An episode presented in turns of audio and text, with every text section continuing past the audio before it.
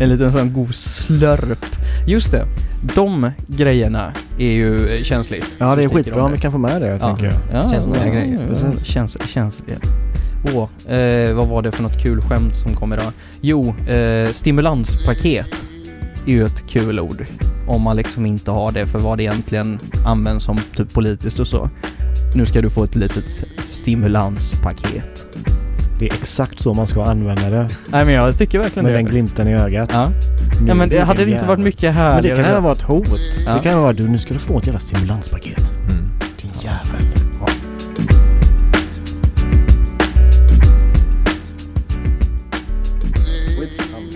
Så länge man är lite Jag löser det. Vi löser det. Det tror jag inte är någon konstighet faktiskt. Sigge, varför står du här? Varför jag står här? Mm. Jo, men jag har tänkt att eh, vi ska prata lite om eh, perspektiv på ideellt skapande, på ideellt eh, tjoho och ja, va, va, varför vill du ha mig här? Det är väl den egentliga frågan. Borde jag vara här? Borde jag inte vara här? Du borde alltid vara här. Det är sån här grundbult som du kan utgå ifrån i livet. Nej, När precis. inte du är hos mig så borde du egentligen vara det.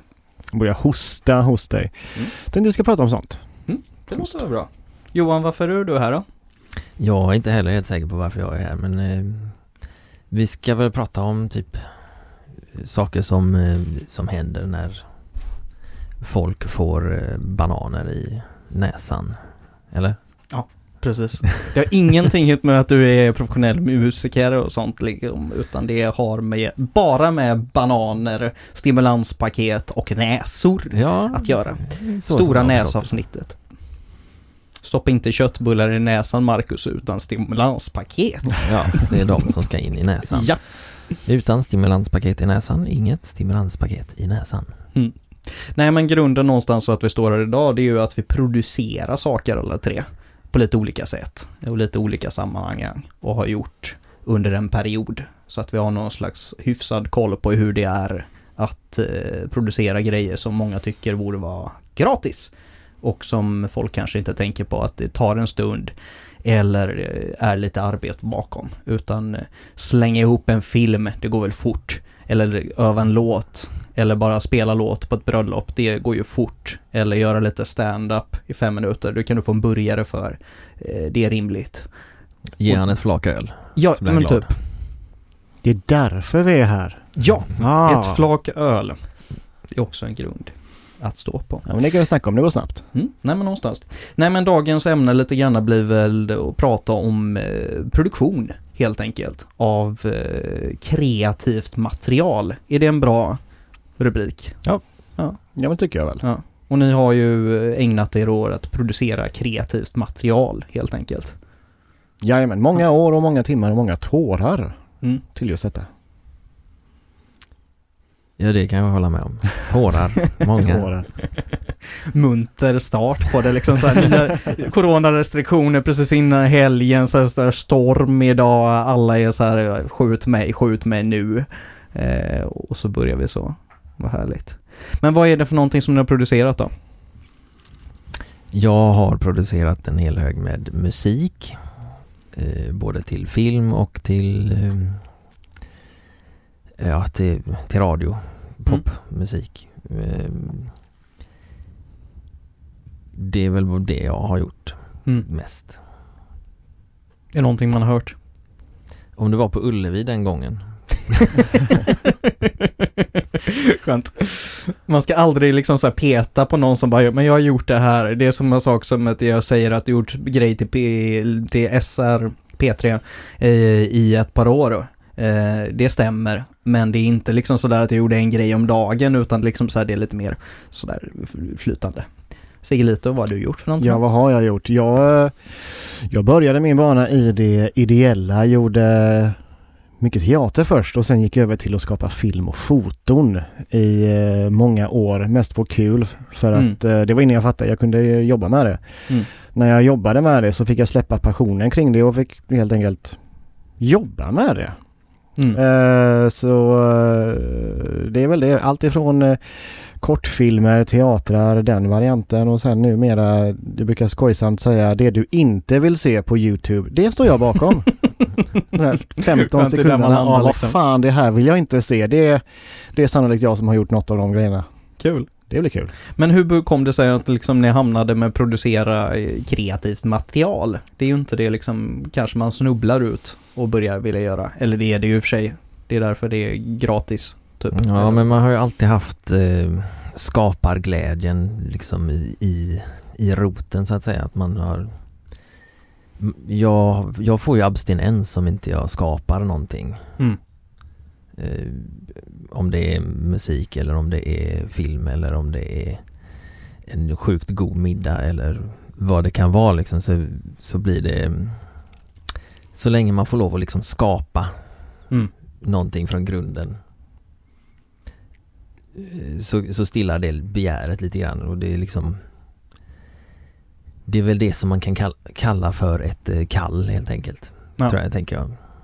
Jo, nej, där eh, tror jag att jag är helt med dig. Det är just det här med att inte skapa är ju liksom inte riktigt ett alternativ. Jag har försökt det i perioder och det har varit liksom då man har varit som sämst. Eh, för att det finns något liksom inom en som vill producera, leverera, göra någonting eh, som är lite utåt. Har du också det här kallet, Siggelito? Eller? Ja, alltså jag tänkte precis på det. Jag tror de flesta människor är skapare Mm. egentligen. Eh, jag tänkte på det här, jag brukar tänka att eh, de flesta är, alltså man vill ju vara någon historieberättare. Mm. Eh, kolla bara på barn liksom. Kollar du på vad de målar, vad de bygger, vad de leker med.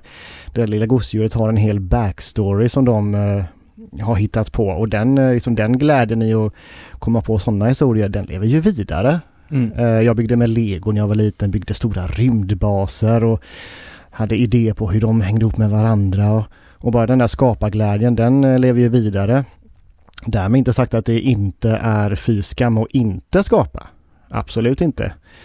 Eh, men jag tror att eh, fantasi har ju, vare, har ju varenda människa Mm. och varje människa vill ju dela med sig av den och berätta om vilka roliga idéer och historier de kommer på. Mm. Så eh, den viljan och det behovet, den, den, jag har den i alla fall. Mm. Och jag tror jag delar den med, ja i alla fall er två men säkert väldigt många fler. Nej men jag tror verkligen det är så. Och kollar man framförallt på barn, nu har jag ju det väldigt färskt för att jag stod i helgen och, och redigerade i radteater som jag gjort med dotterns klass liksom. Eh, och där märker man ju även att de som är lite försiktiga, de man, som man har träffat utanför och, och i andra sammanhang, som kanske har varit lite bakåt när de har fått en mikrofon framför ansiktet och liksom uppmaningen att nu ska du ha ett, nu ska du ha ett klart manus, nu ska du ha någonting att komma med då har de liksom hotat upp det och verkligen kommit igång så att det finns ju någonstans inne i de allra flesta att vilja göra någonting som andra kan ta till sig. Mm. Eh, Och det men- kommer väldigt konkret ifrån en själv också. Så man får ju, det handlar mycket om att dela med sig av sig själv och sina historier. Just att det, det är mitt som jag kan ge till dig Mm. och till dig och till dig. Ja. Det är ganska starkt, ganska häftigt. Mm.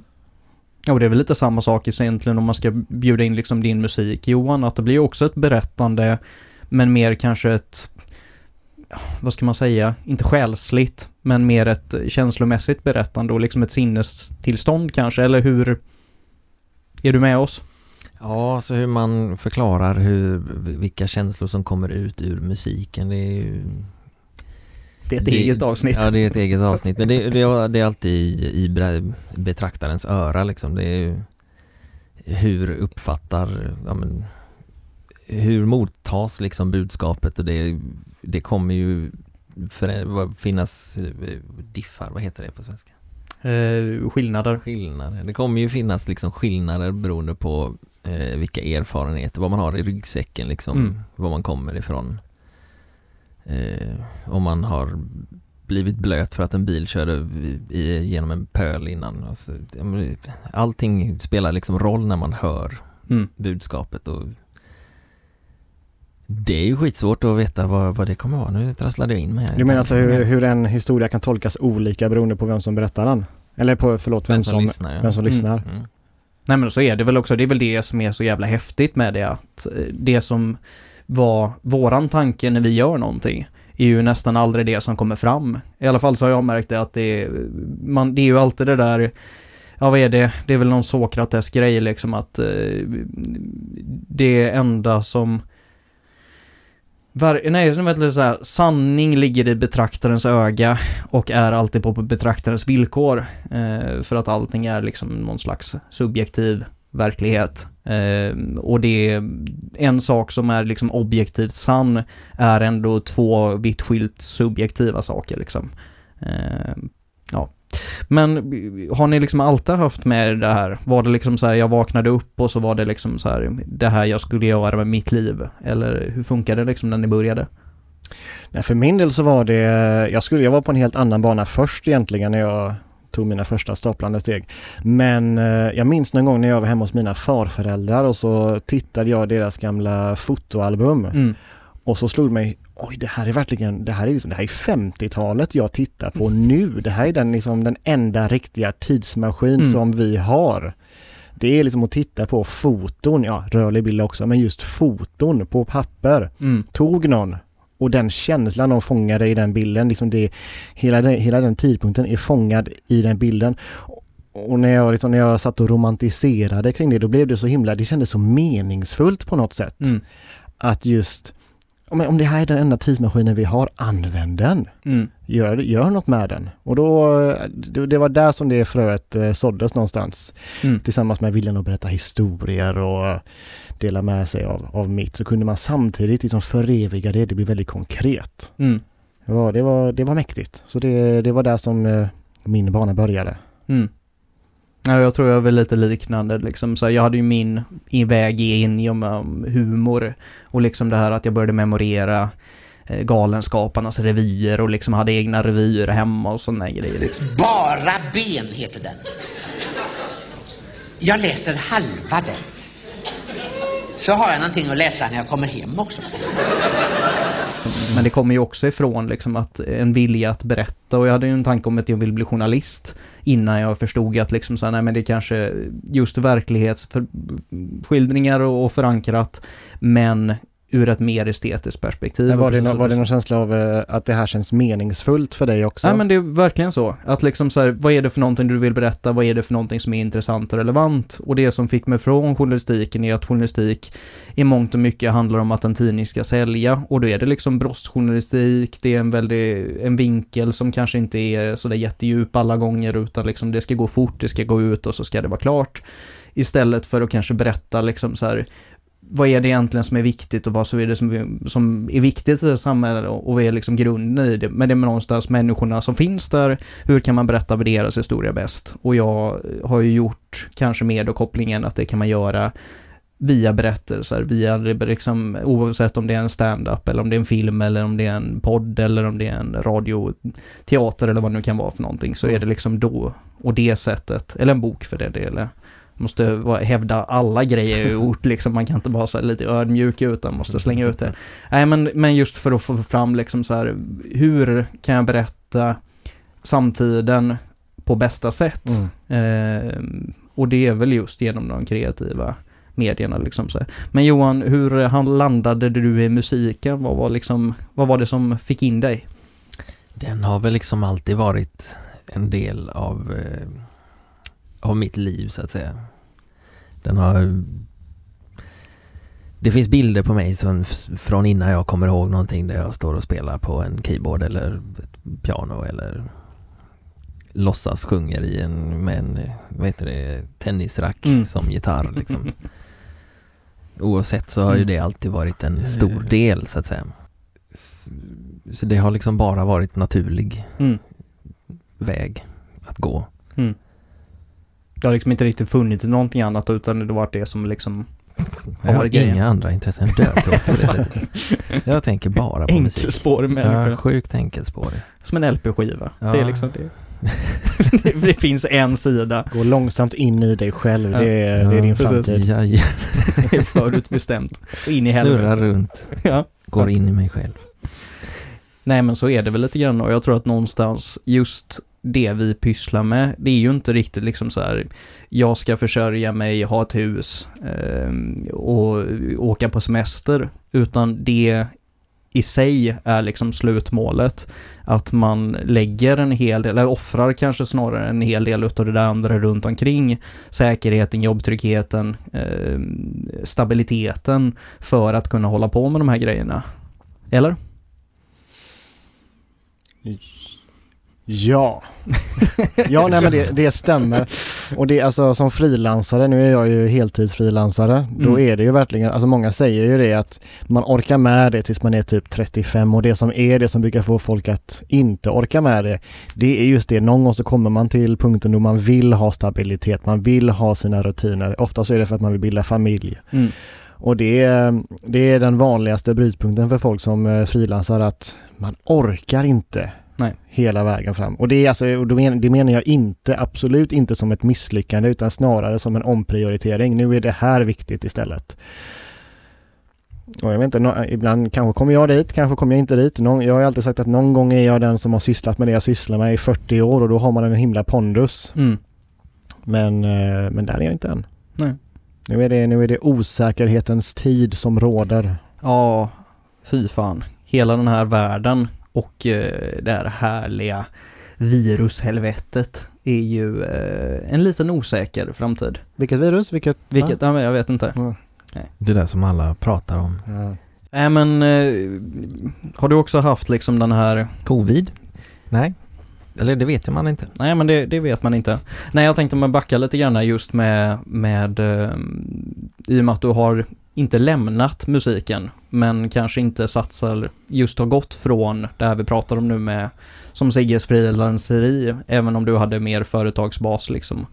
Ja, nej, jag har från början satsat på en eh, säker framtid där jag ändå har med mig eh, musiken i bakgrunden. Jag jobbar ju på heltid som musiklärare Mm. Och sen eh, på fritiden så proddar jag och eh, har bandverksamhet och Mm. så hela livet kretsar ju liksom runt musik ändå. Mm. Men jag har ändå den säkerheten. Mm. Eh, nu får vi se hur det kommer bli med den säkerheten eh, i och med att jag, vi släpper skiva och eh, grejer i, snart. Men det, det får man se. Det är sånt här. Den eviga frågan, när släpper jag dag dagjobbet? När liksom åker stödhjulen av? Ja, när åker stödhjulen av? Det är spännande. Mm. Spännande tider. Nej, och det är väl någonstans lite så jag jobbat under de åren också. Jag menar, jag har ju alltid pysslat med sälj för att få det jag egentligen gör att gå runt liksom. Sen har ju fördelningen däremellan sett olika ut, men eh, andemeningen har ju alltid varit att det är här med er som jag ska stå.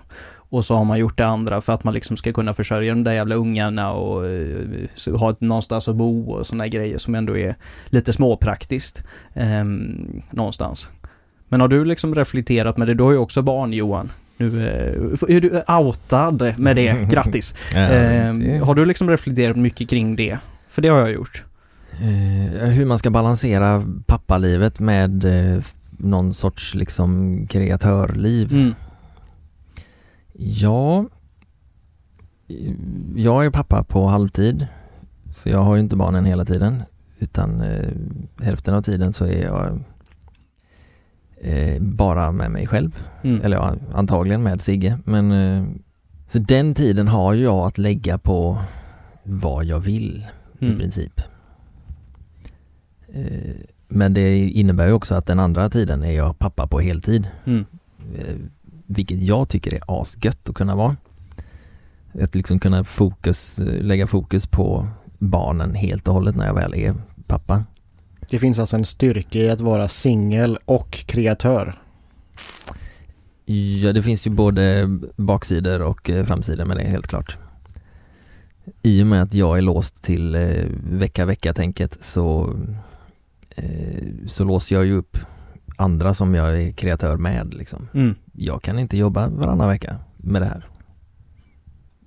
Och Hur tänker du med det nu liksom om det just det blir mer med bandet och liksom den biten och sånt som kanske just om Ja men som vi kallar det inne med stödhjul eller liksom med, med musikläggare-gigget. Om Mm. den biten tullas bort och du måste göra mer liksom med, om ni är ute på eller, turné eller sånt här liksom, hur går tankarna där? Eh, jag har inte löst den ekvationen än. Det, Den kommer. ja, den, den kommer. Det, man kan väl säga att eh, jag känner mig inte jättenervös. Nej. Men det, jag har inte löst ekvationen än. Så Nej. långt kan jag gå och säga. bland annat kan jag säga att jag har världens bästa mamma som eh, hjälper jättegärna till. Nej, och det underlättar ju naturligtvis. Jag har ju suttit eh, både i dina skor och nu eh, i andra skor.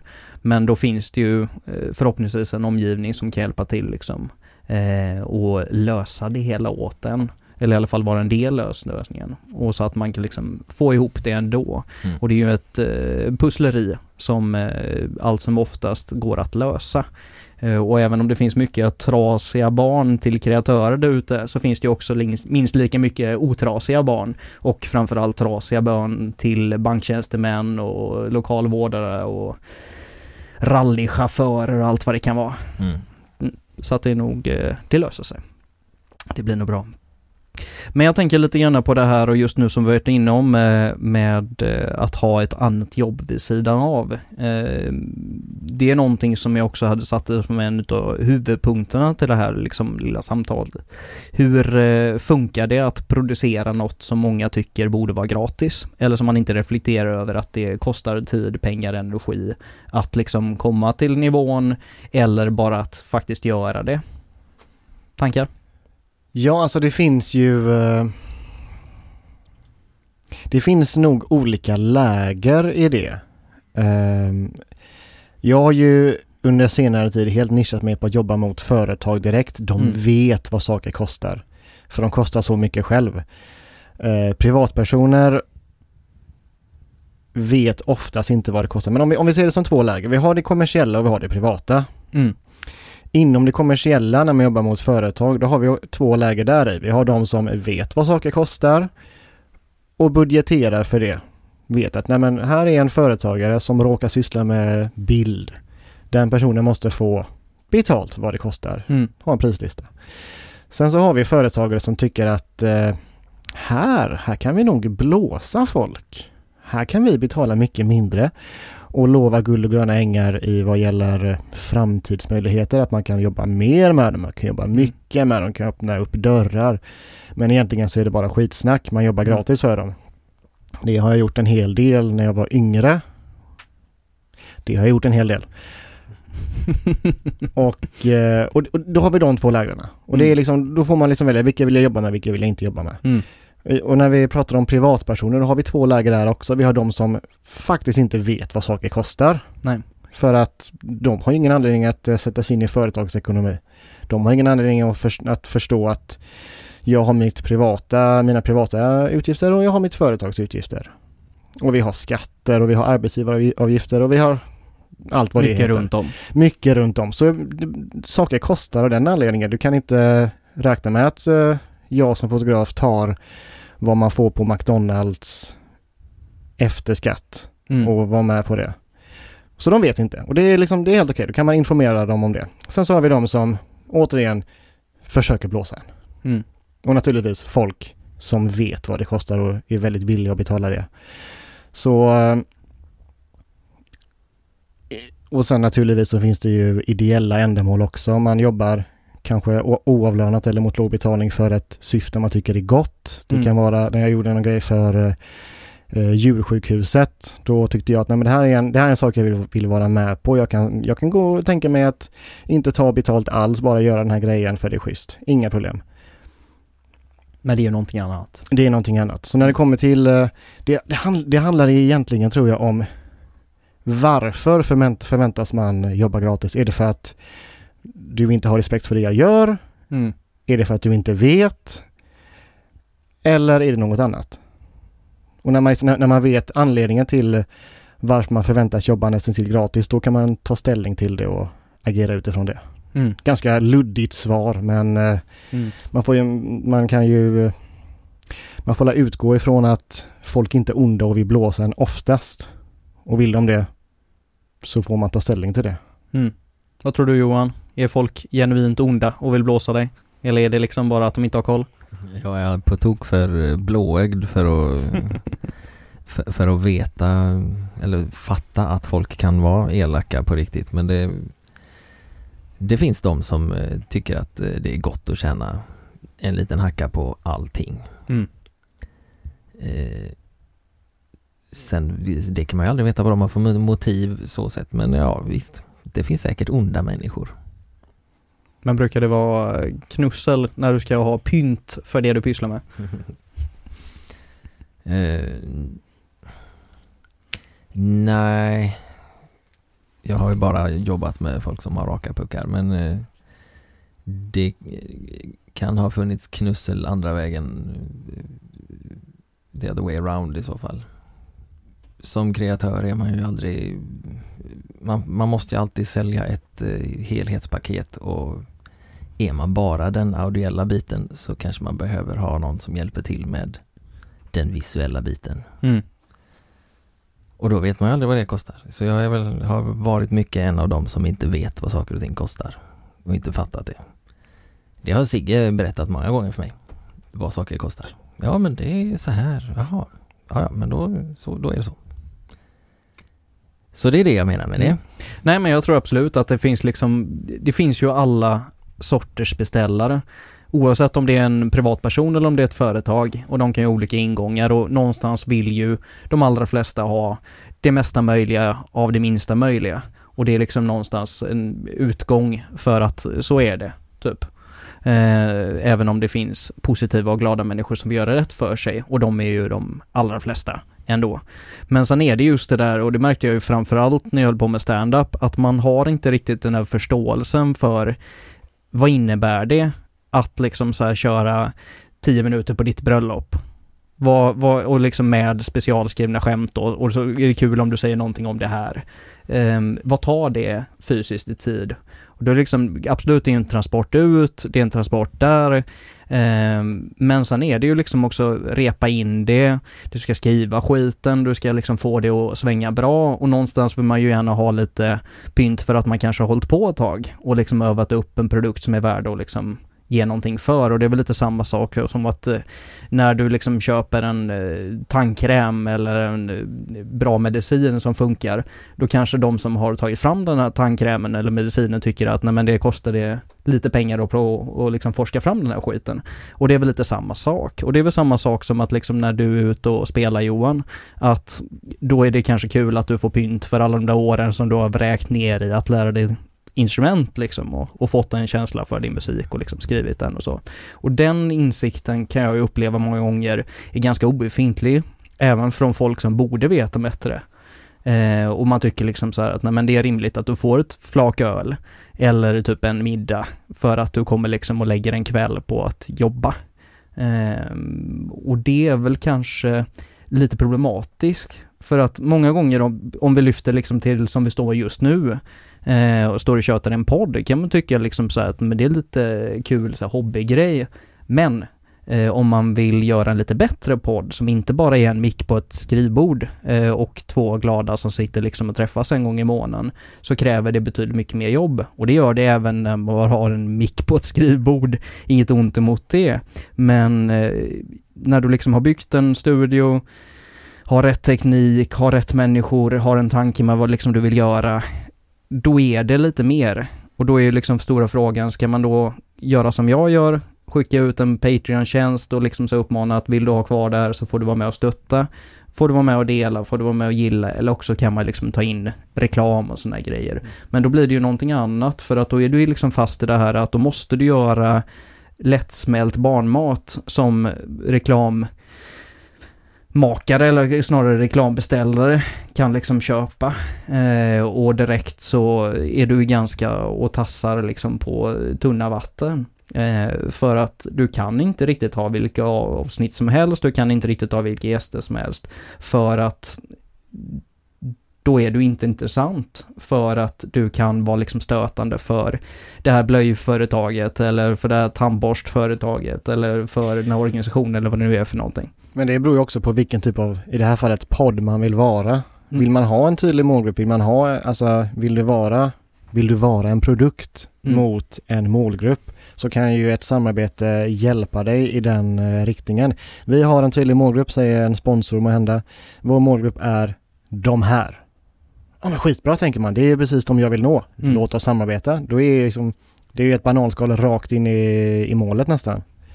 Om det är det man vill. Så det, det är ju inte helt uh, fel att tänka. Ja, det är lite beroende på tror jag. Men det är också liksom så här, vilket sätt vill du behandla den här målgruppen? Vilket sätt vill du ta upp det här ämnet? För jag köper också att man kan ha samma ambition att nå ut med, inte samma budskap kanske, utan att just belysa samma problem. Eller belysa samma sak eller nå samma målgrupp som vi säger då. Eh, men frågan är ju hur du gör det och liksom på vilket sätt du gör det och kan du vara kritisk eller kan du liksom göra det på ett sätt som är ja, kon kontrollerat av dig helt opartiskt eller är det liksom då att du är lite hindrad och här har inte jag något så här, så här är det, utan mer liksom så här, det finns ju en problematik där, Mm. där man kanske inte riktigt äger sig själv när man just sitter i knät på, ja, med sponsorsintäkter och reklamintäkter. Nej men, men låt oss säga att jag kanske skulle sitta på, eh, alltså jag personligen, Sigge, skulle eh, ha en kalasbra väg in till en specifik målgrupp, vilken det nu kan vara. Mm. Eh, det är ju sant det du säger att man, man sitter ju i knät på någon men det är ju inte nödvändigtvis för att man är eh, en undersåte utan snarare en samarbetspartner. Det är ett perspektiv man kan ha. Mm. Och naturligtvis så får man ju samarbetspartners sinsemellan besluta om vart är vi tillsammans på väg. Mm. Och det är väl det jag skulle se ett, eh, om man nu är i ett sponsorskap, då är det ju ett samarbete. Det är inte nödvändigtvis att man är eh, i nåd hos någon. Att man är under någons tumme och låter denna styra en dit de vill. För man är alltid fri att säga nej det här kommer jag inte gå i god för. Det här kommer jag inte göra. Det är klart, är man i en kontraktsituation att du ska producera x antal avsnitt under x antal månader. Då är det ju så. Men det är ju ett samarbete som man måste diskutera i förväg för att kunna stå bakom det. Att finna sig i en situation då man eh, upplever att man inte är sin egen eh, producent, man inte är sin egen kreatör. Det skulle jag vilja våga påstå är att man helt enkelt inte har efterforskat situationen innan man försätter sig i den. Mm. Skriver du på ett kontrakt där det visar sig att du inte får lov att göra det du vill, då kanske du skulle ha läst kontraktet lite bättre först. Ja, nej absolut. Sen det är ju situationsbaserat också. Nej, jag tänker mer liksom eh, utifrån perspektivet för att någonstans liksom är du, ska du stå på reklambenen, då måste du ju hela tiden ha någon som vill göra reklam. Och det är liksom någonstans det drivkraften i det hela, att kunna få det liksom att eh, gå runt. Medan om du har liksom en, en publik som är beredd att betala för produkt, så har du redan, då är målet att göra en så bra produkt som möjligt. Inte att göra en som är så tilltalande för en potentiell sponsor eller för en potentiell reklammakare. Och det är mer den problematiken, nu kanske jag problematiserar väl mycket, men ändå liksom det är det jag är ute efter. Men liksom om, Men då faller vi tillbaka lite på det som eh, jag ponerade kring eh, förut, att det finns onda företag och det finns goda företag. Ja. Det finns eh, företagen som förstår att du är en kreatör som vill jobba med dig för du har din röst och de vill att din röst ska nå ut. mm, För att då kan de glida på den. Sen så finns det de onda företagen som tycker att de har en röst som du får låna. mm, Men då är det på våra villkor. Mm. Så då har, vi, de- då har vi de två lägren här igen. Och det är väl lite det, det, det finns ju Det finns ju två läger i, i det mesta. De som vill dig väl och de som vill sig själva väl. och sen De- är det det gråskala däremellan liksom. Och däremellan har vi ju eh, där de flesta företag befinner sig i gråskalan. Mm.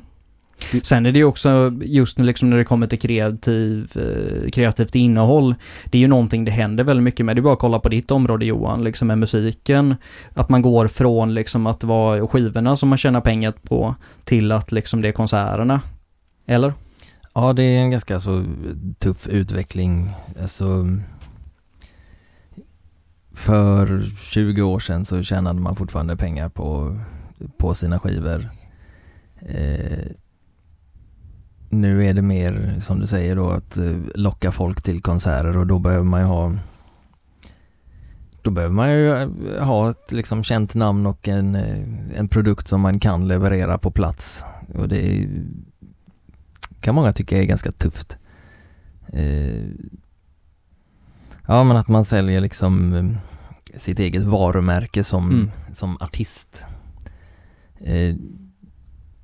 Det är liksom, det, det finns, eh, utan att nämna namn så har jag hört historier om eh, band vars eh, vars eh, produktioner, alltså skivorna säljer inte utan det är Spotify de lever på. Mm. eller Youtube eller, eller sådär. Eller det är liksom det där som, som musiken sprids. Ja. Och det där är genom som det som lockar folk att gå och kolla på dem på konserter, vilket gör att då måste man leverera en fet konsert. Mm. Och då finns det band som har så pass feta, kostsamma konserter att själva konserten i sig går de back på Mm. för att den är för kostsam. Trots att eh, det kommer hur mycket folk som helst så går de ändå liksom back. Då måste man ha ytterligare en eh, liksom in, eh, inkomst som, som täcker upp även för det. Och då det som finns därefter det är ju all, eh, alla reklamartiklar liksom, Mm. t-shirts och eh, muggar Merken. och merchen, ja Merch. precis. Det är det som liksom får band att gå plus. Mm. Egentligen, nej det är inte konserterna, de kostar mer. Utan det är snarare att ha många följare och få dem att supporta på det sättet. Mm. Eh, Det finns ju de som kör med Patreon eller med eh, Kickstarter, kampanjer och grejer för att liksom få någon sorts eh, ekonomiskt underlag. Mm. Men det är sällan som det liksom är i vinstproportioner så att säga. Mm. Utan det är ju bara som Kickstarter, det är för att man ska komma igång och komma ut och få sprida sitt budskap till så många som möjligt typ. Mm. Det är liksom enda sättet att få det att gå runt och där, där funkar det ju bara som många bäckar små liksom. Mm. Nej men precis. Men är det liksom det som är framtiden nu? Att oavsett om det är film eller musik eller böcker, vad det är för nu är för någonting, kanske inte handlar så mycket om det producerade materialet utan mer liksom konceptet runt om att du eh, lever inte på att skrivit boken utan du lever på att vara författaren. Och det är liksom det som är framtiden lite grann. Du lever på att vara liksom bandet och ha liksom stöd runt omkring det snarare än att liksom så här leva på royalties, eh, ha gjort en eh, jävligt bra rulle som säljer bra. Eh, eller vad säger du Sigge? Är det dit vi är på väg? Alltså jag tror att Eller är vi där? Jag tror situationen för fotografer och filmskapare är lite annorlunda. Du har aldrig kunnat leva på att göra konstfilm. Nej. Aldrig har du kunnat göra det. På samma sätt du har aldrig kunnat leva på att göra experimentell noise jazz.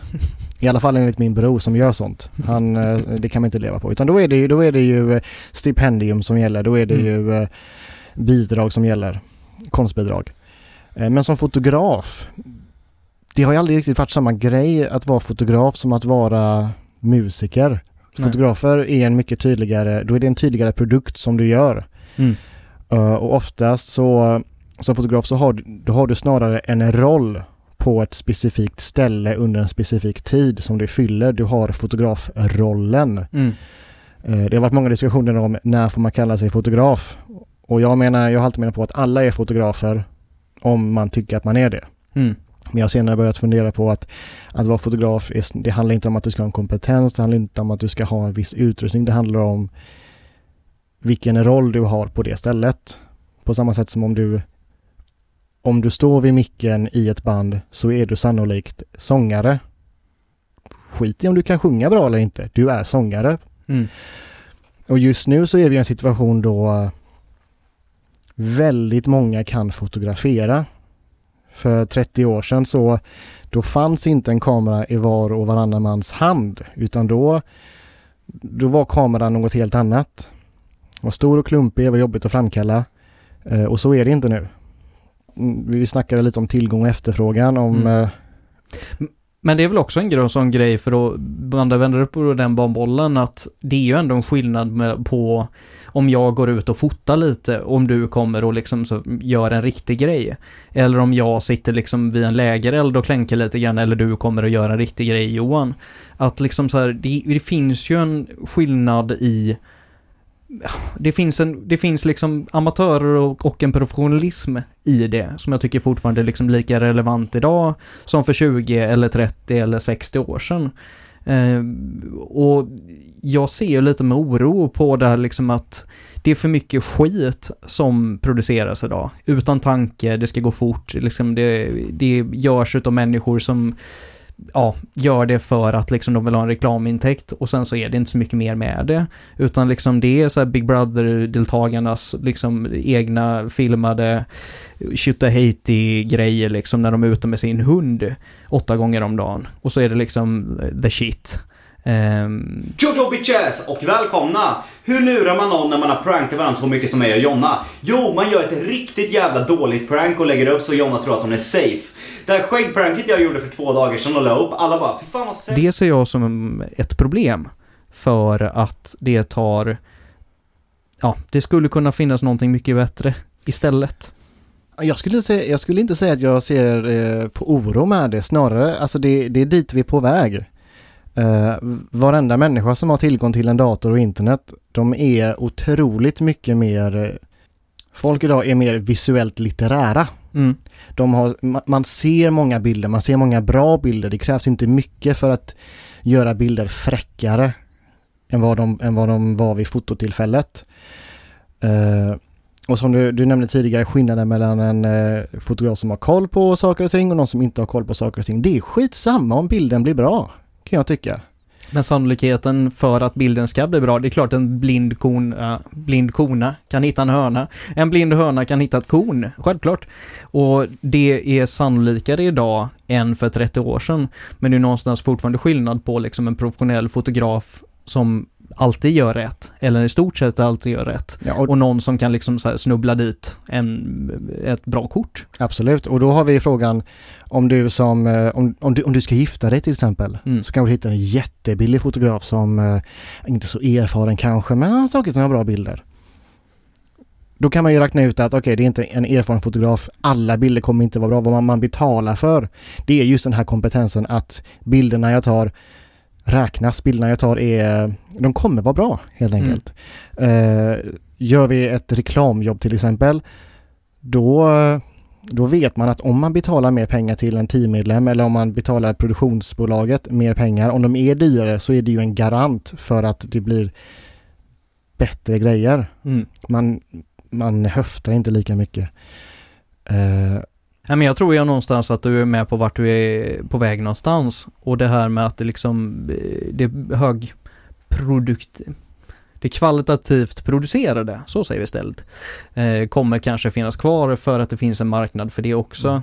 Sen kan den här, liksom den här breda, jag stod med min iPhone och, och tog lite, eller vad man nu använder för någonting. Jag tycker inte man ska, man ska absolut inte förminska eh, amatörer och deras eh, fotokunskaper för de är väldigt höga.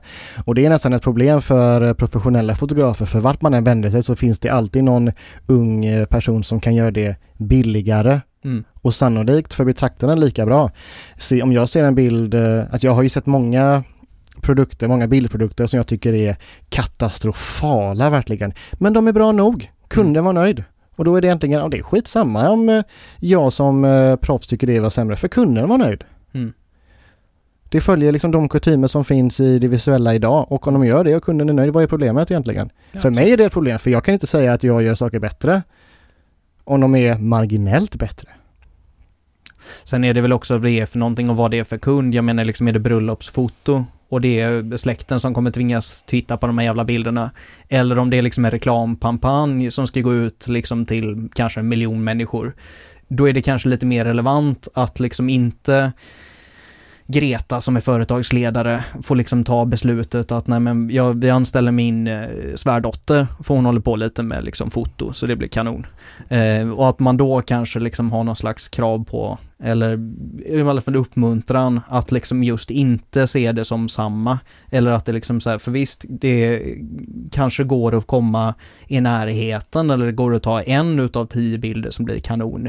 Bara för att, för man råkade vara på rätt ställe vid rätt tillfälle med en hyfsad kamera. Och, eh, men det är ändå liksom så här, den här ja, det är ju vem man producerar material för och vem och vilket sammanhang kanske snarare som man producerar materialet. Ändå liksom så här, det kommer ju alltid finnas ett behov av någon som sitter och är en trevlig på en krok och liksom klankar ackord på en gitarr. Men det kanske inte är samma behov som ja, musiken har för att liksom bli utvecklad framåt. Eller? Vad säger du Johan? Nej, det, man kan ju dra parallellen till Youtubers idag. Mm. som eh, gör katastrofala produktioner som är verkligen überkassa. Man kollar bara på eh, de som sitter och reagerar på någon annans video Mm. och bara pratar om det. Rent innehållsmässigt fullkomligt ointressant egentligen. Men det säljer sjukt bra. Mm. Eh, mycket tack vare att de här youtubersarna har en, eh, en, en egen karaktär, ett eget, ja men de har liksom en, en identitet som de outar med som bara den. Eh, så de, där är det nog inte lika mycket produkten så, Nej, utan det är snarare, producenten. ja, alltså varumärket Mm. helt enkelt. Och det skulle vara likadant för eh, Johan, 16 år, sitta runt lägerelden och eh, spela gitarr och tycka det är sjukt kul och trevligt och bli jättepoppis på den tillställningen liksom. Det är Mm. ungefär samma känsla fast jag kan tänka mig att en youtuber har något större press på sig att behöva släppa nytt material nästa vecka igen. Absolut. Jag som liksom lägereldsgitarrist när jag var yngre hade inte alls den pressen. kan man väl Nej, säga. så är det väl. Det, elden kommer brinna ner nästa vecka i alla fall, även om du inte klinkar där liksom eller inte. Jajamän. Nej men och lite så är det väl och det går ju precis hand i hand med det vi pratade om tidigare. Att det är mer ett fokus liksom på ja, men namnet runt omkring företaget, producenten liksom att, att det blir den biten som är det säljande mer än själva produkten. Sen just det här med, med YouTube så hela liksom den här och jag tänker det finns ju en jättevärld nu runt eh, att lägga ut videos på när du spelar tv-spel. Och de flesta är ju precis som du säger Johan, de är ju skit. Ja. Alltså det är dålig, dåligt producerat, lågkvalitativt och så det bara, det ska ut mycket och hela tiden och vara långt. Eh, och har en marknad ändå. Men sen finns det ju, jag har ju bara eh, en Nisse liksom som jag har jobbat med tidigare som eh, är skitduktig och gör mycket kvalitativt liksom med sina grejer. Och då kan komma till en annan nivå och kan liksom nå en, dels en bredare publik men också liksom en företagsvärld som inte liksom så här eh, max 15 år från Torslanda når liksom så här med sin eh, handhållna mick liksom så, samtidigt som man knattrar med tangentbordet med liksom armbågen och eh, musen i andra. Utan att liksom det finns, det finns ju en skillnad där också i liksom eh, hur produkten uppfattas och hur produkten kan hjälpa producenten att liksom komma framåt. Men eh, någonstans för att eh, komma framåt ur våra diskussioner här idag så känns det ju som att liksom så här, vi har gått från en producerande verksamhet som fokuserade mer på det producerade resultatet och det var liksom där du hämtade eh, pengarna till dagisavgiften till att liksom så här vara eh, mer fokus på producenten och liksom företaget eller konceptet bakom. Och det är där som liksom eh, pengarna finns att hämta. Det är bandtishan, det är liksom fotografens, eh, jag vet inte, vad, vad är foto, var tjänar man pengar? Eller det är fotojobben kanske som, Ja, beroende på vilken fotograf du är. Ja. Naturligtvis. Jag själv jobbar ju mycket mot byråer. Jag är en eh, arbetsmyra bland många andra. mm, Sen finns det fotografer som helt har nischat sig på till exempel bröllopsfoto. Då vill kunderna ofta ha den fotografens öga till Mm. sina bilder. En eh, god kompis till mig som också är fotograf, han valde ju med omsorg eh, fotograf till sitt bröllop. För den, han ville ha den fotografens bilder. mm, Så det kan man, där finns ju pengar att hämta. Bröllop är ju otroligt stort ehm, och mycket som hör bröllop eh, till. Men ofta så är det mot byråer du jobbar för, för att eh, tjäna pengar. mm, Ehm, Du är eller så är du representerad av agenturer som säger här har vi en väldigt duktig fotograf med väldigt starkt öga. Men det, då behöver det vara på elitnivå om man kan Mm. säga det i fotovärlden. Så det är, det, det är, du, är, du är en produkt egentligen som fotograf. mm.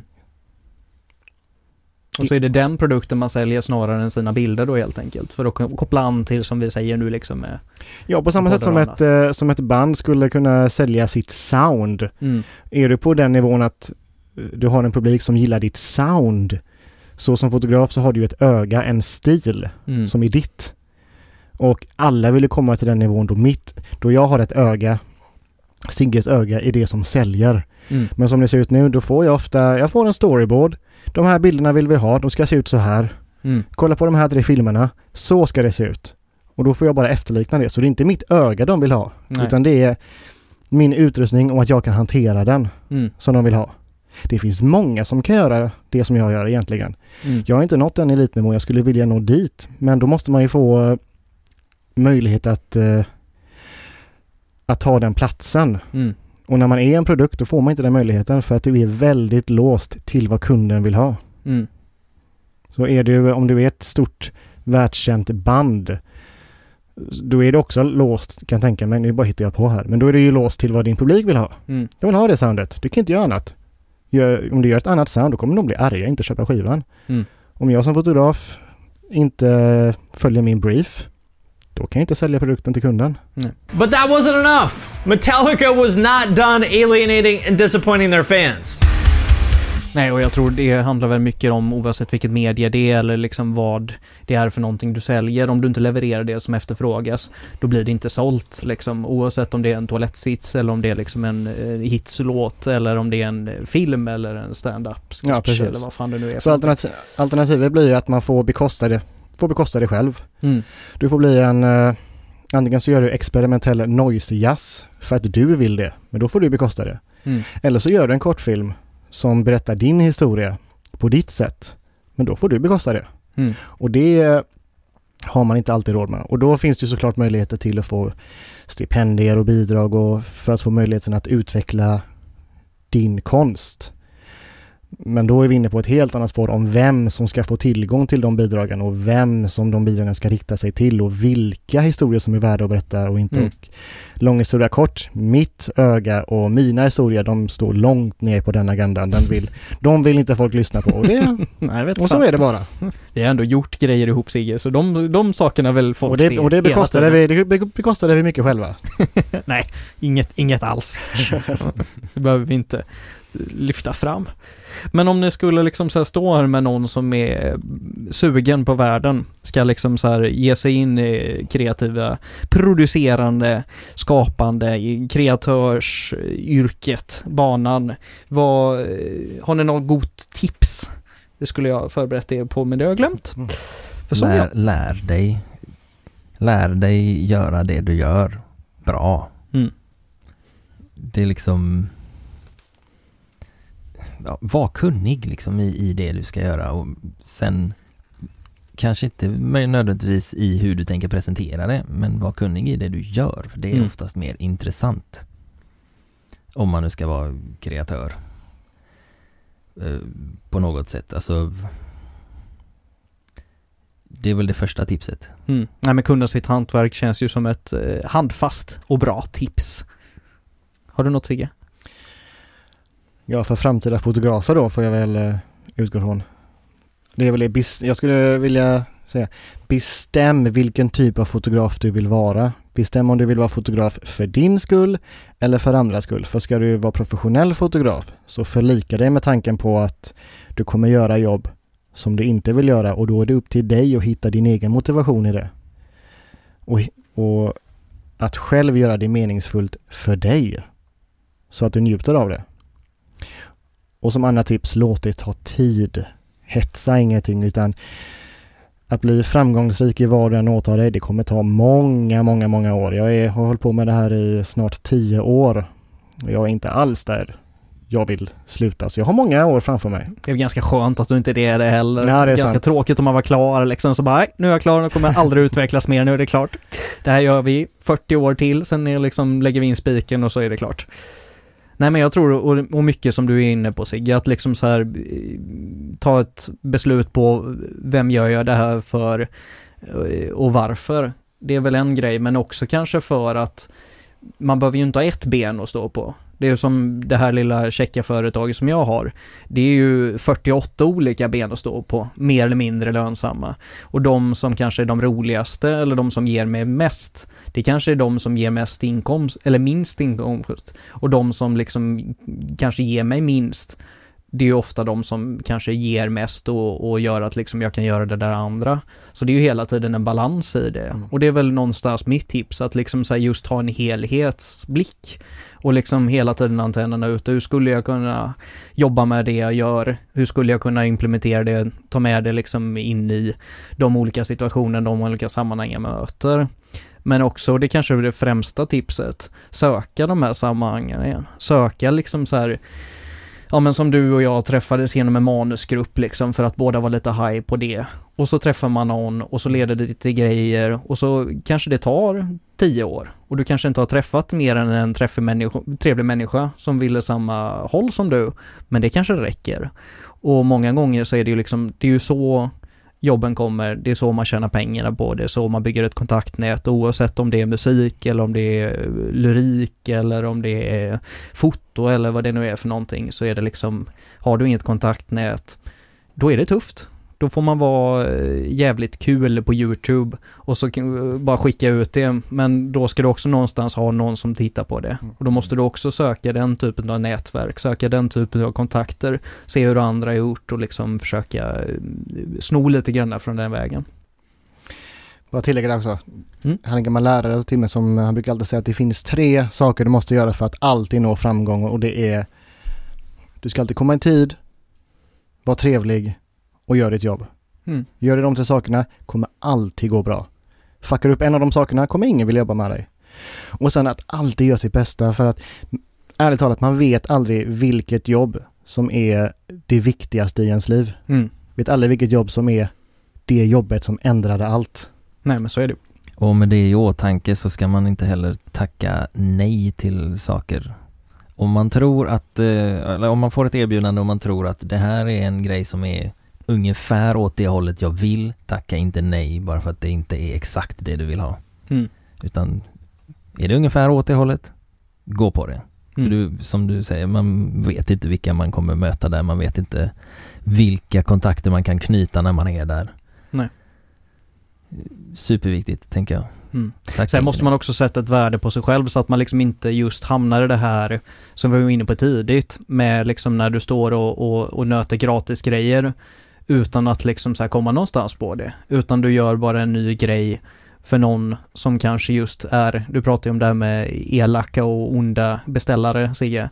Så att man inte hamnar i den fällan av att liksom så här, men nu gör jag typ det jag gör eller vill göra Eh, och jag gör det nästan och får betalt. Men det tar skitmycket tid, skitmycket energi och det dödar mitt intresse.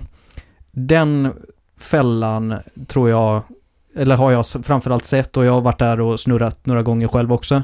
Men det är väldigt lätt att hamna i det, så att någonstans ändå värdera sitt arbete, värdera liksom sin insats och känna att liksom så här, ja absolut, jag kan göra det här gratisjobbet, jag kan göra det här jobbet som inte ger mig så jättemycket, eller är väldigt det, men ändå ha en tanke liksom så här, ger det mig någonting annat? Kommer det just kunna leda till någonting? Kommer det liksom så här just, ja, bygga på någonting som är liksom något positivt? Eller blir det någonting som bara suger energi? Och den Man- tror jag också är med sig. Man kommer hamna i den fällan. Varje person som jobbar med det vi gör kommer hamna där och då är det bara viktigt att man identifierar det. Oj, Mm. jag har hamnat i fällan. Här vill jag inte vara. Nej. Så det är som du säger, man måste sätta ett värde på sig. Men fram tills man är i situationen då man upptäcker att det man gör inte, inte värderas. Då vet man inte hur det är. Mm. Nej men så är det ju. Nej men jag tror nästan att vi börjar nöja oss där eller? Har ni någonting eh, ytterligare som eh, ni bör ha sagt i det här sammanhanget? Kommer nog på det sen när jag åker hem misstänker jag. Men, eh, Ikväll. Ja, precis. När jag käkar filmjölk. Ja. Mm. ja, filmjölk är bra. Ja, internskämt. Ja, det- Kungligt, så ska vi avsluta. Ja, det tycker jag låter som en bra idé. Men jättekul att ni eh, smög ut hit och stod här med mig. Supermysigt. Innan vi eh, släpper det här alldeles så är det ju som vanligt. Tycker man att det här var någonting att hänga i julgran så får man jättegärna gilla och dela och sådana grejer. Men i vanlig ordning, ska det kunna finnas kvar så är det Patreon som gäller. Eh, och eh, det ligger en liten, liten länk där som man kan gå vidare via. Men eh, Ja, tack mina herrar. Jättekul att ni var här. Kul att vara här. Över ut Tack så hörni. mycket. Ha det gott.